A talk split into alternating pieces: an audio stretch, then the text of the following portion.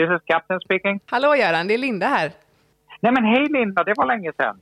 Ja, det var ju det. Hur är läget? Jo du, jag får säga att det är bra. Det är, har en positiv riktning nu eh, efter allt som har hänt. Var i, var i världen är du någonstans nu då? Jag är eh, faktiskt tillbaka sedan fyra månader på eh, mitt lilla fartyg. Och vi ligger i Bahamas och eh, vi är inte så många ombord som vi brukar vara då. Vi brukar ju vara 2200 ombord och vi är nere till under 100 just nu. Wow, allting har förändrats.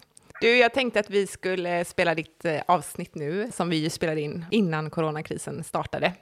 Och eh, så tänkte jag också efter avsnittet att vi kunde prata lite mer om hur din vardag ser ut nu, efter allt har hänt. Ja, jo det, det tycker jag är bra för att eh, som sagt vi spelar ju in det, inte ett ont anade om eh, vad som faktiskt skulle hända i världen. Det, det har ju förändrats dramatiskt och det, det förändrades ju bara dagar efter vi spelade in det. Exakt så.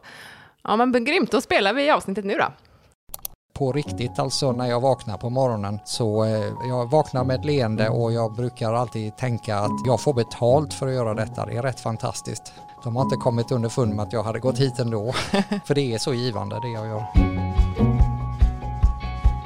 Det här är podden om den hållbara chefen och jag heter Linda Högbacka. Framför mig står Göran Pettersson, kapten på världens största kryssningsfartyg. Det stämmer gott det. Tack för att jag får vara med.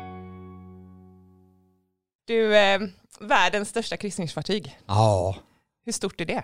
Det är, eh, ja det beror på hur man mäter. Det eh, finns olika sätt men i eh, meter så är det 365 meter långt och 60 meter brett och ungefär 65 meter högt också.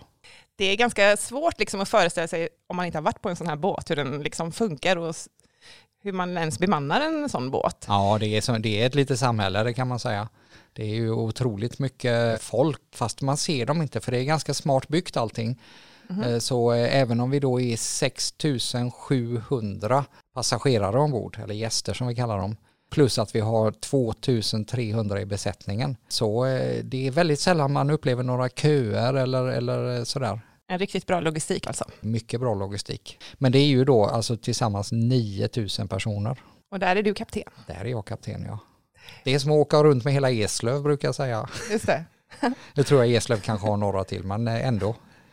Man undrar om Eslöv protesterar eller om de liksom är nöjda. Med... Ja, det ja. låter härligt. Men du, ehm, berätta liksom vad, vad finns på den här båten? Det finns mycket saker. Först så i grunden så är det, finns det ju då, är det ju då en båt. Eh, det är ju därför eh, de har en kapten då. Och vi tänker mycket på säkerhet, vi tänker mycket på eh, hälsa och att allting går som det ska. Men då på ett kryssningsfartyg så finns det ju också ett jättestort hotell så att alla har någonstans att bo. Det. det finns en jättestor restaurang, eller faktiskt 18 stycken restauranger och eh, det finns ett eh, helt litet Liseberg skulle man kunna säga också. Mycket underhållning, mycket aktiviteter, mycket saker som eh, händer. Vad heter båten? Ja, vad heter båten? Den heter Oasis of the Seas och det är en av fyra. Det var den första i den här serien som kom. Vi har precis byggt om båten igen eftersom den var tio år så behövdes det lite nya fräscha koncept och sånt så den är helt fantastisk nu. Du, när jag tänker på en kapten så har jag ju insett att jag har en helt förlegad bild av, av vad det betyder. Jag tänker ju lite så här att man har en eh, kaptenskostym på sig men med klaffar på axlarna. Har man det? Ja, det har man. Det har man. Ja. Och en snygg eh, mössahatt. Ja, det, det är faktiskt, eh, nu har jag gjort det här i många herrans år, men jag har aldrig haft en kaptensmössa eller hatt. Nej, Nej okej. Okay. Och sen tänk, så tänker jag liksom att man spenderar mycket tid uppe på bryggan, alltså ägna sig åt det här att köra båten? Ja, det är ju eh, ett av eh, de viktigare sakerna. Men faktiskt det är nog inte mer än 20-25 eh, procent av vad min arbetstid går åt till. Det är mycket annat här. Berätta om de 80 procenten. Det är övergripande ansvarig för hotellverksamheten, för hela food and beverage eller mat, alla restauranger, eh, matlagningen, serveringen och så. Underhållningen eh, med vad det innebär och det tekniska då. Allt maskineri och allt kan vara aircondition eller pumpar eller vattentemperatur i poolen vad du vill, eh, belysning, att allting fungerar och såklart då propellrarna att de snurrar också. Men du, 2300 anställda har Jaha. du. Berätta om det ledningssystemet, hur råddar du upp det? Ja, det är ju en farlig massa folk. Det är ju väldigt eh, strukturerat eh, och en, en eh, ganska tydlig pyramid som vi har då. Och mina närmaste det är ju en ledningsgrupp då som består av eh, chefen för hotellet eh, och chefen för den tekniska delen och min eh, second in command och min staffkapten som eh, mera i detalj sköter eh, säkerhetsarbetet och navigationsdelen och, och, så. Och sen har vi då en personaldelen i detta också, våran human resources manager är del av ledningsgruppen då, eller executive committee som den heter. Hur liksom mycket är du ute på fartyget? Ganska mycket faktiskt. Jag är ju eh, synlig både för eh, våra passagerare då, våra gäster och för besättningen. Så om man tänker då eh, just besättningen så har jag ju då eh, ett ett eh, ledningsmöte en gång i veckan som är ganska formellt eh, med de här personerna som är ansvariga för de här större delarna. Och sen har vi varje dag så har vi ett möte där vi går igenom vad som har hänt under det föregående dygnet då. och det är någonting som kallas för guest log. Alla som har haft någonting som de behöver ha korrigerat och det kan ju vara att de har någonting som inte fungerar i, i deras hytt som de bor i. Eh, det kan vara att, att, eh, att någon inte har blivit bemött på det sättet som de eh, förväntade sig.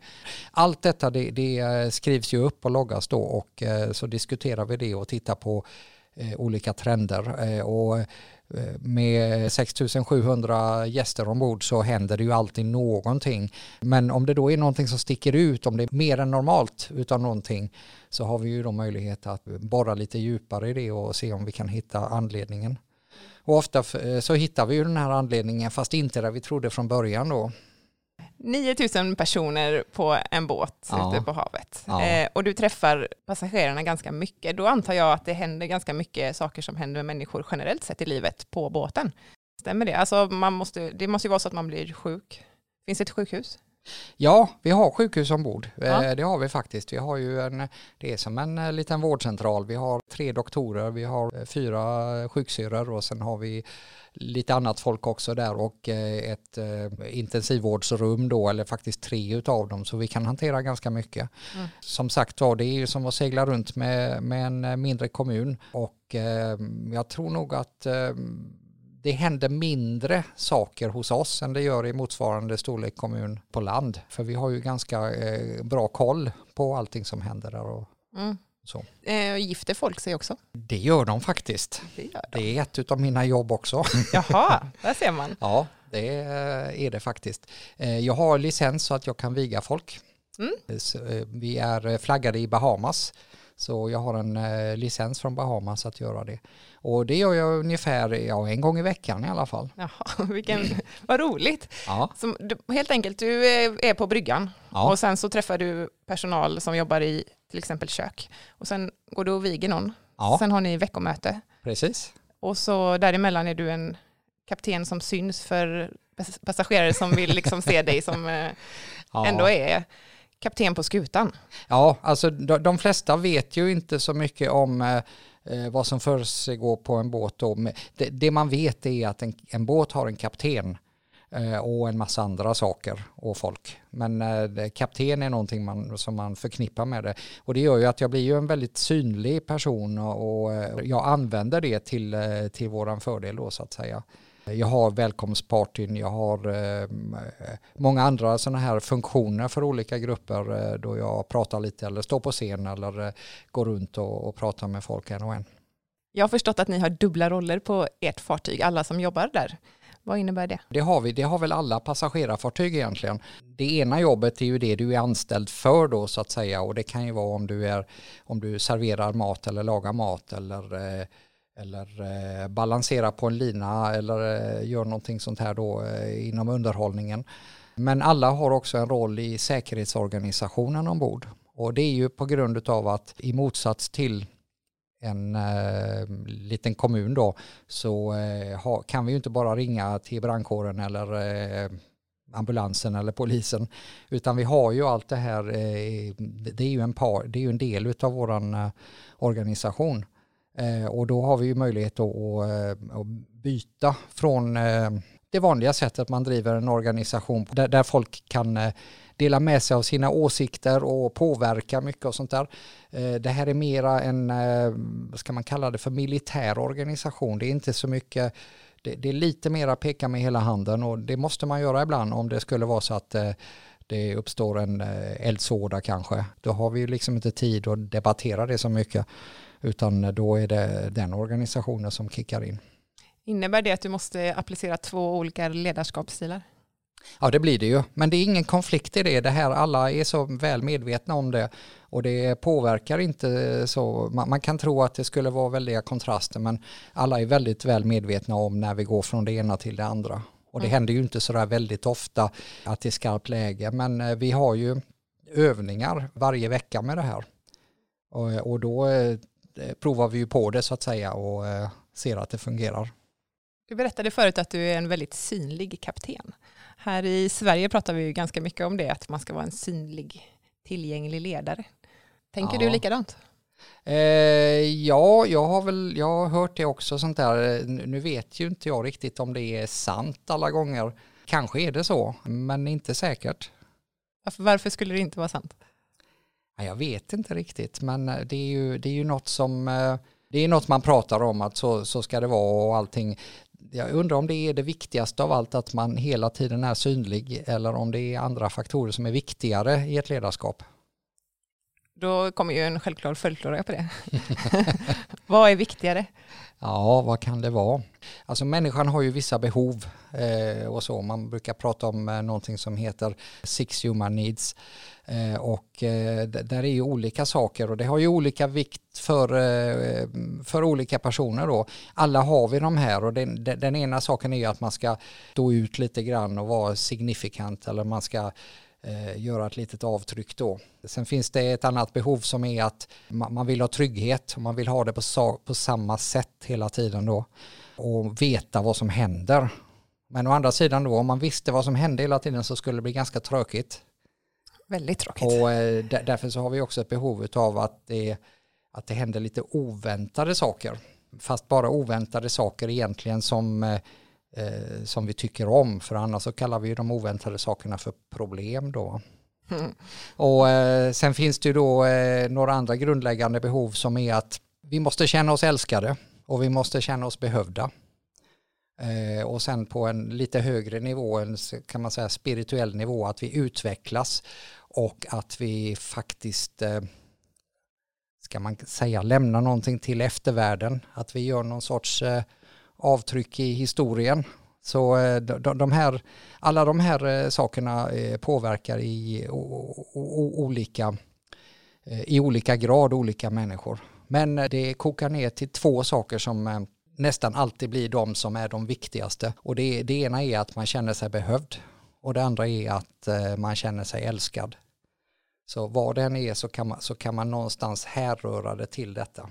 Det är därför ofta som när vi har omorganisationer i, eh, i organisationer och sånt här. Att eh, folk har ett motstånd till det här för att det finns eh, då en farhåga att eh, vad händer om jag blir bortrationaliserad? Det betyder ju att jag behövs inte längre. Och det, då har jag liksom inget syfte och det kan vara väldigt hårt. Men när man tänker älskad så tänker man ju ofta eh, romantisk kärlek. Ja. Men eh, kan du som kapten få dina medarbetare att känna sig älskade, tänker du? Eh, ja, det är ju det är inte eh, mitt jobb att, att, få alla att känna sig romantiskt älskade kanske då, va? men, men eh, det är bra att vara medveten om att det, att det är en viktig del i det här. Eh, och eh, det kan ju vara eh, helt enkelt att det är någon som väntar på en och att man, att man, har no, att man betyder någonting speciellt för någon. Det kan ju vara så enkelt löst att man till och med skaffar en hund. Mm. Men man kan ju också tänka det... att jag älskar när min medarbetare kommer och gör ett gott jobb för det underlättar för mig och för min organisation och för den vår organisation är till för. Ja, just Jo, absolut. Absolut. Att man, att man visar, eh, som chef där, visar att det, att det verkligen är betydelsefullt och att man uppskattar. Eh, men det, det måste ju också vara genuint. Det är inte så att så fort någon har gjort exakt det som den personen hade som arbetsuppgift att, att man måste så att säga älska allting på det sättet. Det, det, det är viktigt att man, man är genuin i det man förmedlar. Vi är ju inne på ledarskapsfrågor nu. Mm. Vad är det som driver dig som ledare? Vad är din passion? Ja, det är väl att eh, kunna ge folk de eh, verktyg och förutsättningar de behöver för att kunna göra bra jobb och känna sig behövda och känna sig sedda. Eh, och, eh, så eh, långt tillbaka i tiden här, någonstans eh, 20 år sedan, så började jag faktiskt eh, studera vad som då hette idrottspsykologi och anledningen var ju inte att bli någon idrottspsykolog utan hitta och de här ledarskapsverktygen som finns inom detta område då. Och, eh, för det var ju många eh, eh, man kunde se inom, inom idrottsvärlden de, som lyckades väl, om man tänker på Björn Borg och Stenmark och andra, de, de gjorde ju vissa saker och de hade ju folk att bolla det här med lite granna som sina resurser då. Så att det intresserade mig så jag gjorde det utav den anledningen. Sen eh, flera år senare återupptog jag de här tankarna för att hitta även mera verktyg och sånt här för ledarskap just då. Men eh, då är det ju så att eh, det här har ju blivit omdöpt till vad man kallar för coaching idag. Men det är egentligen i grunden samma kraftfulla eh, verktyg som man använder sig av. Det handlar ju om att kunna skapa motivation och mening med det man gör eh, och så. Det finns ganska bra recept för det. Titta på sådana som är, är väldigt duktiga eller väldigt framgångsrika på någonting och eh, försöker hitta, finna ut vad är det som gör att de är så duktiga på just det de gör. Lite som att baka en kaka eller eh, laga en maträtt. Om man följer receptet precis eh, till punkt och pricka så får man ju ungefär eller väldigt nära eh, samma resultat som eh, de hade som gjorde samma recept innan. Man tar en liten genväg där. Är du en resultatstyrd kapten? Eh, ja, det är jag ju. Det, vi är ju ett resultatstyrt eh, bolag. Vi har ju mycket sådana här Eh, Key Performance eh, Indicators heter det då. Så vi mäter ju väldigt mycket vad vi gör. Både hur eh, våra gäster trivs och hur de upplever eh, att kryssningen har varit. Och vi mäter ju också vad våra besättningsmedlemmar, vad de tycker och hur de känner att, att det är att arbeta för oss och sånt där. Och då får vi ju en massa data som vi kan dyka ner i och, och se om det är någonting vi behöver förändra i det vi gör. Och då är det du som driver den förändringen eller? Eh, jag är ju med i det hela förstås och jag är ju, jag menar jag är övergripande ansvarig så jag kan ju styra intresset åt någonting som är viktigt att göra. Men eh, vi, vi är ju väldigt många ledare ombord så att eh, mycket av det här arbetet det sker ju på, på den nivån där det behövs och, och så. Jag förstår att du vill ha goda resultat på de undersökningarna som görs på ditt fartyg. Men om du fick eh, välja vad som är viktigast att det blir goda resultat på, vad skulle det vara? Ja, nej men eh, våran verksamhet bygger ju mycket. Det finns många tankar eh, bakom det här. Så eh, de här indikatorerna finns ju där utav en anledning att det är ju liksom det som är viktigt för oss. Jag ser väl det viktiga eh, och det, det är faktiskt det, det, är ju någon eh, klok man som har sagt det här tidigare, jag tror det var Richard Branson, han sa att det, det är inte så viktigt att ha, ha eh, nöjda kunder, det är viktigare att ha nöjda medarbetare. För har man nöjda medarbetare då får man nöjda kunder på köpet. Så att om de, om de som arbetar eh, tillsammans eh, med en, om, om, om de trivs och känner att de gör någonting eh, meningsfullt så återspeglar det sig på, eh, på resultatet. Så det är väl den som ligger i topp för mig, det är att se till att, att vi har eh, folk som eh, eh, trivs ombord och känner sig motiverade och behövda för det de gör och värdesatta för det. Vad gör det för dig? Förbättrar det ditt ledarskap när dina medarbetare är nöjda? Ja, för mig personligen så är ju detta någonting som är, är viktigt och det, man får ju ha klart för sig det att eh, alla är ju inte alltid eh, på topp nöjda med allting alltid eh, och det är ju det som gör det hela spännande. Och jag, jag, är, mm, jag, jag är en sån som personligen så värdesätter jag ju andras, kan man säga, mina medarbetares framgång jag tycker det är otroligt roligt. Ett par av de sakerna som, som jag sparar resultat på det är ju det är exempelvis jag har en lista med sådana personer som jag har aktivt hjälpt så att de har blivit befordrade inom olika områden och så. Och att kunna hjälpa någon till, till att utveckla sig själva det är, det är fantastiskt givande faktiskt. Det är en fysisk lista alltså? Det är en fysisk lista ja. Det är, vi, vi har, eh, alltså i USA så är det väldigt, det, det, finns en sak som är väldigt viktig för eh, folk i allmänhet och det kallas för eh, giving is living. Det, det handlar mycket om att ge tillbaka. Det är en väldigt central del i det hela och det är ju så att när man hjälper eller ger tillbaka, ger någon annan möjligheter på olika sätt så, så känns det väldigt bra för en själv. Det, det är ett av de här eh, basbehoven jag pratade om förut. Det. Eh, och eh, det, det, det, är en skön känsla när man kan eh, bidra till någonting. När läser du den listan? Ja, jag tittar på den lite då och då faktiskt, för det, det blir ju som en liten boost för mig själv att se att ibland när man, har en, eh, när man har en dag då det är lite tyngre kanske och sånt där så kan det vara skönt att gå tillbaka och se ja men det, det, du har ju faktiskt lyckats med en del och har en del framgångar på sånt som du tycker är viktigt eh, och kunna peppa sig själv helt enkelt. Så att eh, det, det är ingenting jag normalt går och visar upp och så här utan det här är ju någonting för mig själv som jag, som jag, jag tycker är eh, viktigt. Det fyller en, fun en funktion för mig. Ja. Är det några fler listor som ger dig den där positiva energin tillbaka? Eh, det var väl den viktigaste av dem och så, men det, det, ligger ju, om man är en listperson så här så är det ju alltid skönt att kunna eh, pricka av någonting och plutta för någonting som man har, har gjort. Så det, blir, alltså det är ett sätt att avsluta kan man väl säga. Är avslut viktigt? Avslut är alltid viktigt, det är det. Det, det, är det. Och avslut med att eh, man samtidigt när man har lyckats med någonting att man firar det tror jag är bortglömt många gånger. Det är jätteviktigt att, att, man, eh, att man eh, tar ett steg tillbaka när man har gjort någonting och tänker liksom att det här var ju faktiskt en prestation. Det är ju någonting som, eh, som är viktigt i team, speciellt när man jobbar också, att man tar sig den tiden och ser vad, är, vad, har vi lyckats med här nu och det här gick ju faktiskt riktigt bra och att man på ett eller annat sätt celebrerar det lite grann och lyfter upp det. Mm. Ja, men kul. Mer roligt i vardagen blir det ju. Absolut, det blir det ju. Och då är det ju, det, det är också någonting som, eh, som förstärker att det man gjorde var meningsfullt. Och vi behöver ju mening i livet. Mm. Du, eh, jag funderar mycket kring eh, hur vi skulle kunna skapa mjukare och snällare organisationer. Ja. Har du funderat något på det?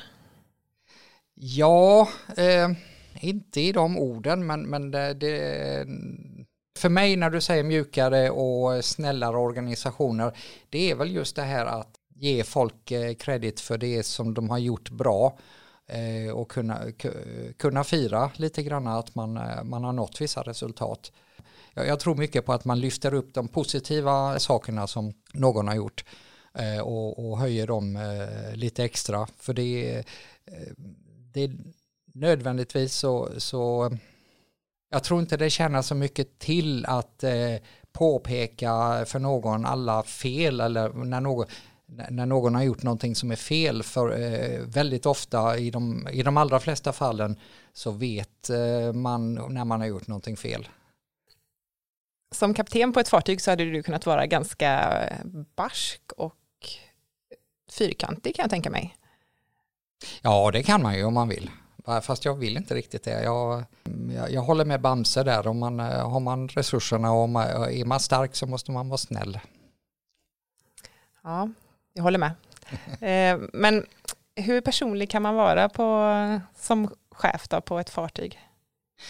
Jag tror man kan vara väldigt personlig. Eh, jag tror det finns en överdriven risk folk ser ibland i ledande positioner Eh, Eh, att man inte kan vara för personlig för det, det, kommer att ta upp alldeles för lång tid. Eh, styra fokus kanske åt fel håll. Jag, jag har kollegor in, inom branschen som eh, aktar sig lite för det här att eh, knyta för täta band med sin personal kanske då för att eh, vad skulle hända om jag om jag eh, sa ja till alla eh, på mitt företag som eh, kanske ville bli vän med mig på Facebook eller någonting liknande då.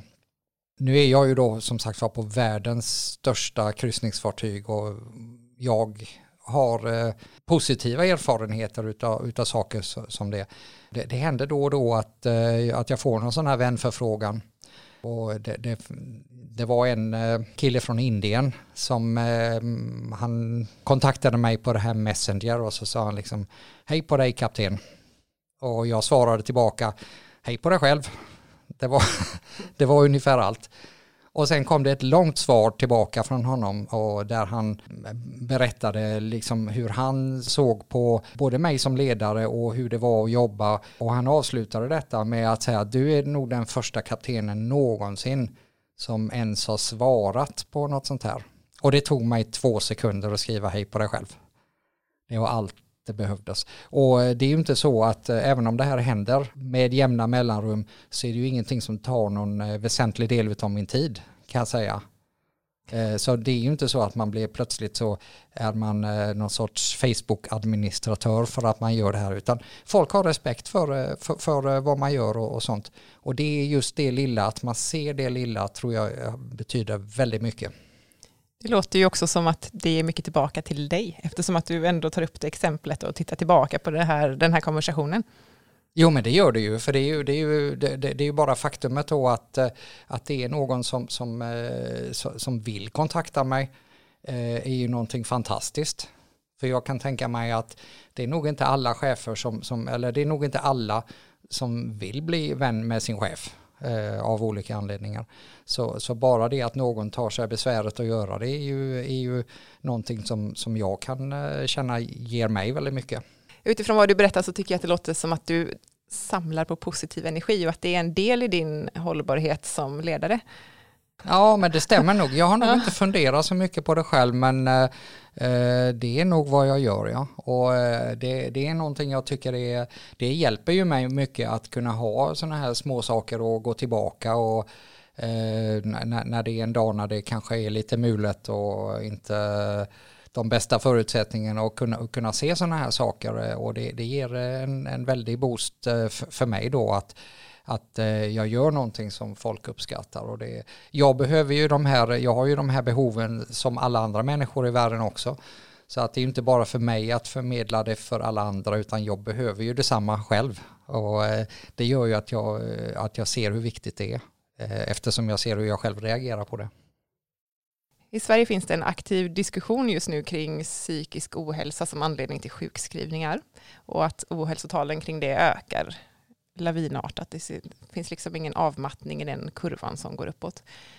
Hur ehm, ser det ut med sjukskrivningar på ditt fartyg? Ja, jag tror nog att vi har eh, en bättre situation än vad man har eh, på land. Vi har inte så, eh, det är självklart, jag menar när du har 2300 personer anställda så är det klart att det finns folk som inte mår bra till och från och sånt där. Eh, men eh, jag tror att det är mindre i vår miljö än vad det är på land och jag, jag tror att det har att göra med att vi tvärt vad man eh, många gånger har som recept i landbaserade organisationer att man ska, att man ska sätta gränser mellan arbetslivet och det privata. Vi har inte riktigt det. För det fina med en båt är ju att eh, du jobbar ju inte bara där, du lever ju där, du bor ju där hela tiden. Så du kan liksom inte tolerera åtta timmars arbete och sen gå hem och koppla av med annat folk. Du, du är där hela tiden. Antingen så tycker du om vad du gör eh, och, och eh, tycker att det här är ett, ett väldigt bra sätt att leva eller så, så passar det inte dig överhuvudtaget. Så att man kommer nog fortare till beslut om, om det än, än man gör på land eh, i min uppfattning. Om man inte trivs helt enkelt. Om man inte trivs, ja. Har ni råd att ha konflikter på arbetsplatsen? Jag, jag, tror man måste vara eh, öppen med att det, det, det är klart att eh, där finns alltid konflikter i alla, eh, alla konstellationer där man har flera människor eftersom vi, vi, ser ju vi ser ju verkligheten på olika sätt. Va? Ingen vet ju egentligen vad verkligheten är men alla har sin egen bild av det och det är klart att ibland så krockar ju de eh, och på grund av det så, så får man ju i, när man inte är överens så kan ju det ta sig olika uttryck. Eh, vi har inte råd med djupa konflikter. Det har vi ju inte för att eh, det kan ju negativt påverka just som du säger säkerheten och så här. Det som är eh, det fina med våran organisation och att vi är där eh, 24 timmar om dygnet under den tiden vi är där det gör ju att är det någonting som skulle kunna bli en djupare konflikt så lyfts det tidigare upp till ytan så man kan hantera det. Och det är nog viktigt. Det är nog lättare att gå och dra på en surdeg om man så att säga klipper bandet och man går hem och man har, eh, man har liksom två, eh, två liv att hantera. Eh, och är det någon man absolut inte vill tillbringa tiden tillsammans med på arbetet klockan är halv fem så man kan ju tolerera 30 minuter till och sen så går man hem klockan fem. Vi har ju inte riktigt den lyxen att vi kan göra det utan vi, vi, vi måste ju liksom kunna fortsätta verka tillsammans eh, dygnet runt, även om vi nu inte sitter och, och sjunger allsång allihopa 24 timmar om dygnet. Men vi lever ju i samma miljö så att säga. Va? Jag tycker det låter hälsosamt att vara lite kortare tid i konfliktläge. Så det, det tänker jag måste vara en mm. framgångsfaktor ändå. Ja det är det nog, det är mm. det absolut. Du har ju varit chef och ledare i många år nu. Eh, finns det någon period i ditt ledarskap som har varit lite tuffare än någon annan? Ja, det har det varit. Eh, jag har ju, jag har ju hållit på med det här eh, sedan jag var väldigt ung och, och jobbat på fartyg i olika positioner då. Eh, mitt första kaptensjobb var eh, 1996 så det är ju, det är ju några år sedan. Men före det så, så jobbade jag ett antal år också. N när man är kapten på en båt så har man ju nått den högsta positionen som finns i den världen. Eh, och eh, det är klart att eh, när man når den så någon gång så infinner ju sig frågan eller tvivlet liksom att jaha, vad händer nu då? Är det ingen, är det ingen mera utveckling som händer? Och jag hade väl sådana tankar också någon gång på runt millennieskiftet faktiskt. Och jag fick ett erbjudande och började jobba på kontor på två olika ställen. Eh, och eh, det sista stället jag jobbade för, där, där eh, var det inte någon bra energi mellan mig och chefen. Det slutade med att jag sa upp mig och lämnade detta och med en inte så väldigt bra smak i munnen faktiskt. Så i alla fall efter jag slutat här så det var faktiskt precis då jag bestämde mig för att börja med den här karriären eh, inom kryssning igen. Eh, så att eh, 2002 så började jag i eh, Royal Caribbean som ett resultat av det. Och jag lovade mig själv då när jag gjorde det här att eh, jag ska aldrig göra någonting som jag inte trivs med längre utan den dagen jag känner att det här är inte för mig då ska jag på riktigt sluta och börja med någonting annat. Och jag har hela tiden nu och det är ju snart 18 år så har jag känt att eh, det här är nog det bästa jobbet som finns på planeten. Du vill ha roligt på jobbet helt enkelt? Ja, eh, inte roligt kanske på det sättet att det är klackarna i taket, men eh, roligt på det sättet att man känner att man gör en skillnad, att man är behövd, att folk uppskattar det man gör och så. På riktigt alltså när jag vaknar på morgonen. Jag vaknar med ett leende och jag brukar alltid tänka att det här, liksom jag får betalt för att göra detta, det är rätt fantastiskt de har inte kommit underfund med att jag hade gått hit ändå. för det är så givande det jag gör. Jag blir glad för, det, för din och alla dina medarbetares skull när du säger sådär tänker jag. Ja, och det, det är ju någonting eh, som jag eh, jag tror det är viktigt det här det genuina i det att man kommunicerar det också. Och jag berättar ju detta för eh, både för mina medarbetare och, och, för gäster och allting att, att jag verkligen trivs med vad jag gör. Och jag tror det syns. Och jag, jag tror det är, men som sagt var, om man nu inte tror på detta utan man bara säger det så tror jag att folk eh, kommer att se det och det kommer inte att funka utan eh, det måste vara på riktigt. Här kommer en utmaning då. Okej. Okay. Hur trivs man på jobbet uttryckt i en mening? Jag tror det viktigaste är att man fokuserar på det som är eh, roligt eller givande och att man inte fokuserar på sånt som är tråkigt. Snyggt. Jag ska skriva upp den och hänga den på min, eh, på min kontorsdörr tror jag. Ja, det är en bra idé. Ja. Har du ett kontor? Ja, det har jag, men eh, det är integrerat med allt annat så att jag har ett eh, kontor eh, nära min bostad då, min hytt Eh, och eh, den är ju eh, lite större används ju inte bara som kontor och ställe att bo på utan också lite för representation då och då så att för, för, att kanske motivera storleken på den. Apropå det här med representation, kan inte du berätta om vår gemensamma beröringspunkt Kuba? Ja, just det. Eh, fartyget som jag arbetade på innan Oasis of the Seas, eh, som då är världens största, var faktiskt ett utav, utav eh, våran flottas minsta fartyg och äldsta fartyg. Det heter Majesty of the Seas och eh, vi startade med det här fartyget eh, att eh, segla på eh, Kuba från eh, Florida och eh, det var väldigt intressant att få uppleva eh, det, här då. Eh, efter att det har varit stängt i så många år och vi kommer in med ett, i den här hamnen ett, ett ganska stort fartyg. Och när man kommer ny till en hamn och så här så är det oftast mycket ceremonier. Så att det var massa eh, folk från eh, förmodligen någon borgmästare och en, en massa eh, politiker från Havanna då som kom, om, som kom ombord och vi hade en liten ceremoni när vi bytte plaketter och, och vi hade middag och vi hade en liten mottagning då. och det var väldigt intressant.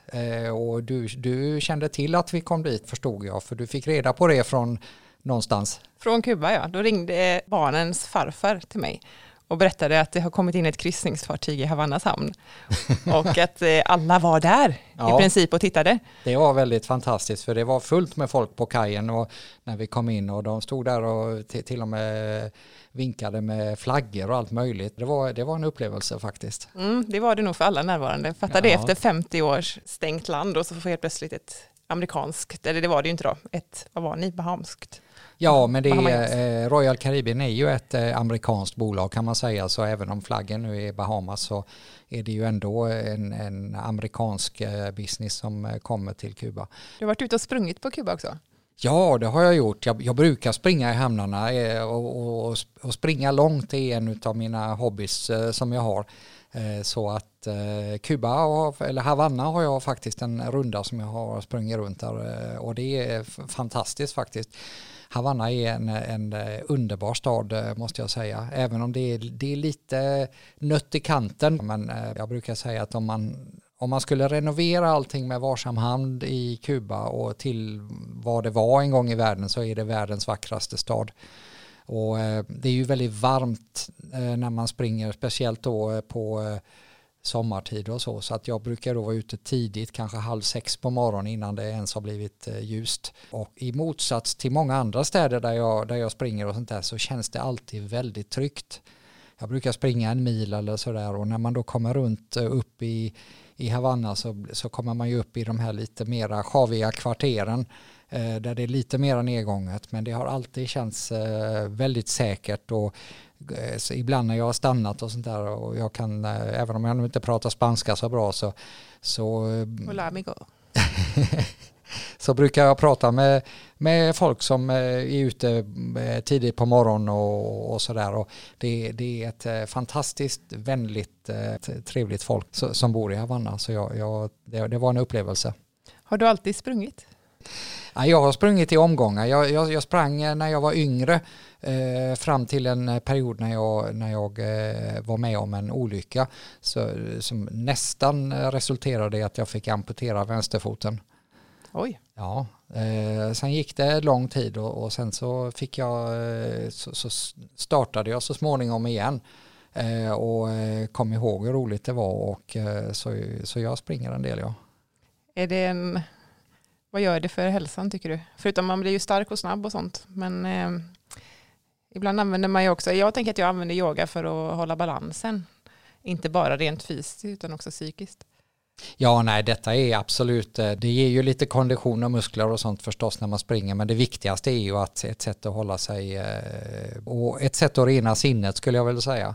Det är fantastiskt vad, vad det gör mycket att kunna skärma av lite grann, spela någon bra musik och, och eh, många eh, bra tankar kommer upp när man, när man springer.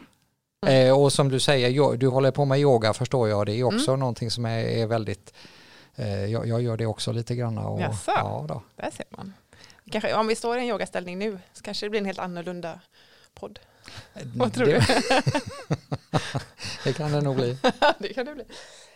Du, det här avsnittet har vi spelat in i Göteborg i ösregn, blåst och plus minus noll grader. Jag antar att du ska vidare efter detta. Ja, just det. Det är ett eh, kortare besök här i Göteborg den här gången. Eh, jag ska tillbaka till eh, Florida och sen så är det snart dags att gå ombord för mig igen för mitt nästa pass här. Så eh, just nu så seglar vi ju eh, från Miami och gör kryssningar till eh, östra och västra Karibien. Men eh, om ett par månader, någonstans i slutet på april, då ska vi eh, ta båten upp till New York och börja göra kryssningar ut därifrån. Så det händer lite, det är lite nya saker hela tiden. Spännande. Ja, det är det. Du, det känns ju som att jag nästan har varit på ditt fartyg nu efter den här intervjun. Det har varit jätteintressant. Och jag kommer också ta med mig mycket av dina tips på det här med att samla positiv energi. Tack så jättemycket för att du kom. Tack för att jag fick komma.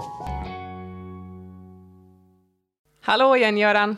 Men hej Linda! Du, eh, det stämmer ju inte riktigt det vi säger i slutet med att du, eh, att du bara skulle åka tillbaka och jobba. Hur ser liksom ditt liv ut nu, ditt arbetsliv?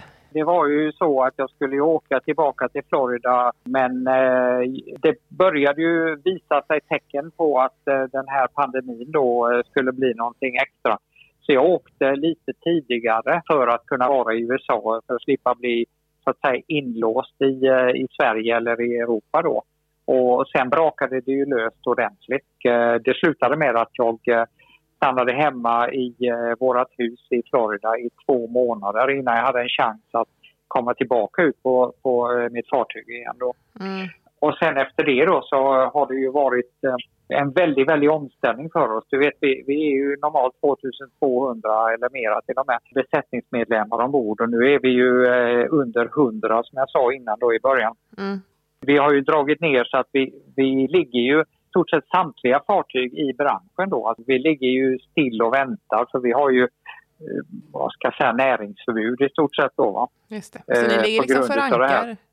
Och, Ja, vi ligger Ja. för ankar i- på eh, nå, nå, nå, någonstans eh, utanför öarna i Bahamas då, Mm. och väntar på att det ska bli någon ordning och reda på det här. Och man eh, förhoppningsvis hittar ett vaccin och vi hittar vägar så att vi kan eh, komma tillbaka i service. Just Och det. är en massa jobb som pågår med det här förstås. Då, så att eh, det, det är inte så att, eh, att vi eh, ligger på latsidan utan det ganska långa dagar och eh, väldigt intressant eh, arbete också som pågår. Mm. Väldigt intressant. Vad, är, vad är din roll då i det, här arbetet? Ja, eh, först av allt är det ju då ombord att se till att eh, den här neddragningen av personal då och eh, att vi, att vi stänger av, sparar så mycket energi som möjligt och se till att eh, allting, så det inte förfaller. För vi måste ju då vara beredda att gå tillbaka till service igen och då måste ju allting fungera. Mm. Eh, jag hade förmånen också att jag är en del av ett eh, sånt här så kallat advisory board. En grupp då som jobbar med eh, Royal och med Norwegian Cruise Line som heter Healthy Return to Service. Och det har fått ganska stor uppmärksamhet i världen och det sitter en massa väldigt namnkundiga personer då med och, eh, och man tar fram nya koncept och nya ventilationsmetoder och, och eh, social distancing och eh, he- hela konceptet. Hur ska man kunna fortsätta med kryssningsverksamhet överhuvudtaget? Mm. För det är ju, det är ju en ganska svår miljö när, om man då liksom blandar in virus Ja, och, sjukdomar i det hela. Och, så. Ja, och det är ett fantastiskt jobb som pågår där och, och väldigt, väldigt intressant och givande att få vara med och lyssna på sånt där. Men eh, det, det känns positivt. Det, det, det är eh, fantastiska sa- saker som kommer upp men det kommer nog att dröja ett par månader till innan, eh, innan vi har kommit igång då. Ja, men kul att höra ändå att det liksom finns en ljusning och att ni ser möjligheter. Vad är det liksom mer för folk som är med i en sån konstellation då? En sån board? Nu, alltså jag sitter ju med i något som heter Shipboard Advisory Board. Så jag är ju med eh, på en eh, operativa nivån då. Men eh, den högre nivån på detta då, eh, det består ju av några utav, eh, det är några guvernörer eh, från eh, USA och eh, de som är chefer över de större hälso eh, ska man säga, organisationerna i USA då. Och eh, det är intressant för ibland så är vi med då och, och lyssnar bara när de här när de stora pojkarna pratar.